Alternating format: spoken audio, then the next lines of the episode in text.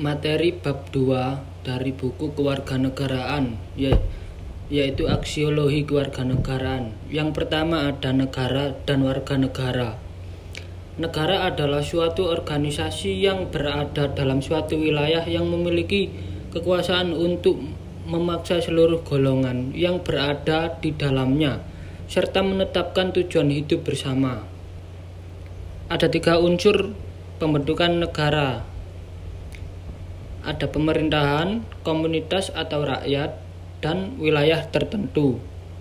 Bentuk-bentuk negara dalam konsep teori modern memiliki dua bentuk, yaitu ada negara kesatuan dan negara serikat. Warga negara adalah warga suatu negara yang ditetapkan berdasarkan peraturan perundang-undangan. Kewajib, kewajiban warga negara adalah suatu keharusan yang tidak boleh ditinggalkan oleh warga negara dalam kehidupan bermasyarakat, berbangsa, dan bernegara. Lanjut yang kedua ada identitas nasional. Identitas nasional mampu menjaga eksistensi dan dihormati oleh negara lainnya. Identitas nasional dalam konteks negara yaitu ada bendera nasional atau bendera negara, bahasa negara, semboyan negara, hukum, hukum dasar negara, dan bentuk negara.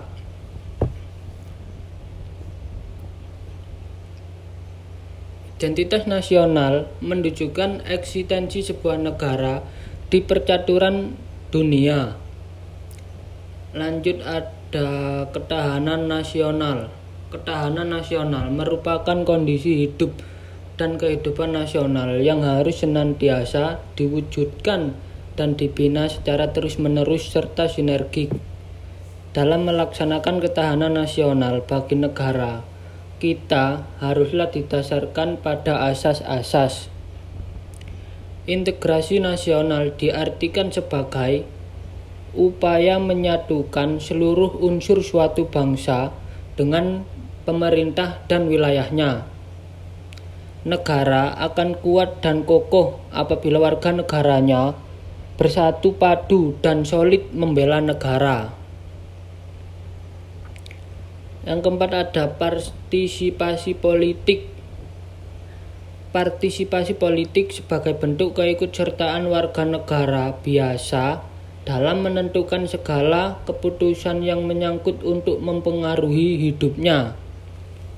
Partisipasi sebagai kegiatan dibedakan menjadi partisipasi aktif, partisipasi pasif, dan golong dan golongan putih atau golput partisipasi masyarakat dalam politik memiliki peran penting karena dalam negara demokrasi semua bersumber pada rakyat, oleh rakyat, dan untuk rakyat. Yang terakhir ada hak asasi manusia atau yang bisa disingkat HAM.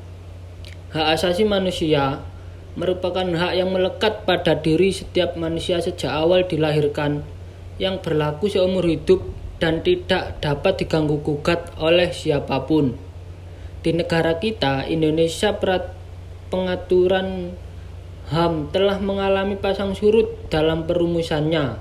Ini terkait dengan dasar negara yang diberlakukan pada masa tersebut serta situasi perpolitikan di negara kita yang berubah-ubah.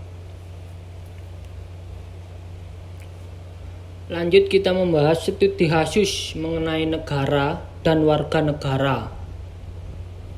Apa yang kalian ketahui tentang negara dan warga negara? Menurut Miriam Budiarjo, negara adalah suatu organisasi yang berada dalam suatu wilayah yang memiliki kekuasaan untuk memaksa seluruh golongan yang berada di dalamnya serta menetapkan tujuan hidup bersama sedangkan warga negara adalah kelompok orang yang berdasarkan hukum adalah penduduk dari sebuah negara.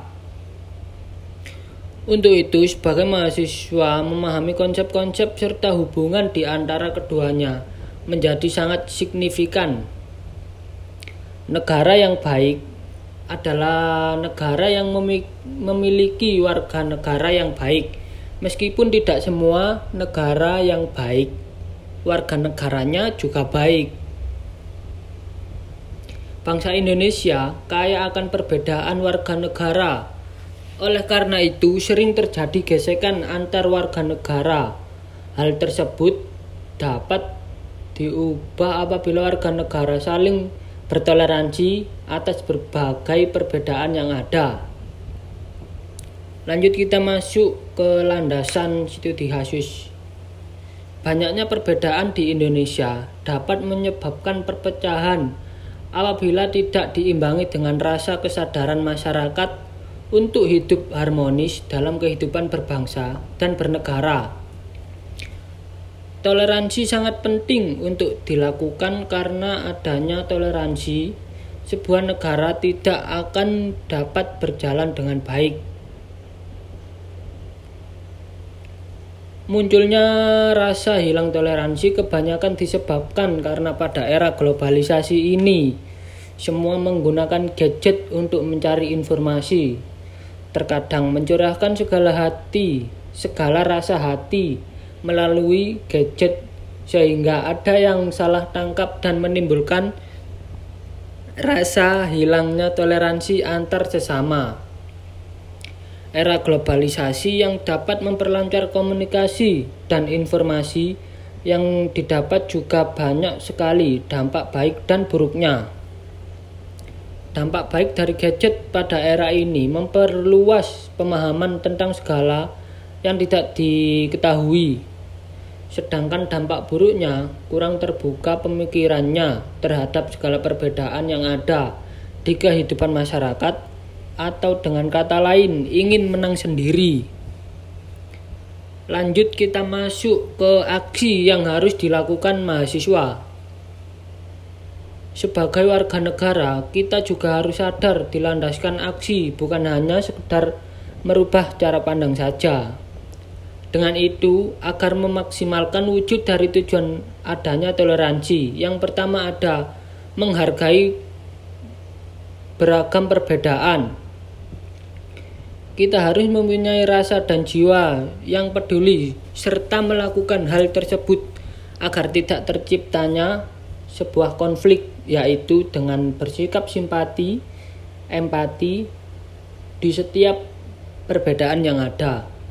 Yang kedua ada menanamkan rasa kecintaan pada bangsa. Menanamkan rasa cinta tanah air sangatlah penting bagi semua warga negara yang ada di suatu negara tersebut. Tujuannya bahwa warga negara tersebut merasa bangga dan memang cinta pada tanah air. Melalui penumbuhan jiwa-jiwa sosial dan toleransi akan perbedaan yang telah ada. Cinta tanah air juga merupakan wujud dari lahirnya Pancasila, tepatnya sila ketiga yang berbunyi Persatuan Indonesia. Oleh karena itu, sangat penting bagi kita semua menumbuhkan rasa cinta pada tanah air sejak dini, agar tujuan dari bangsa juga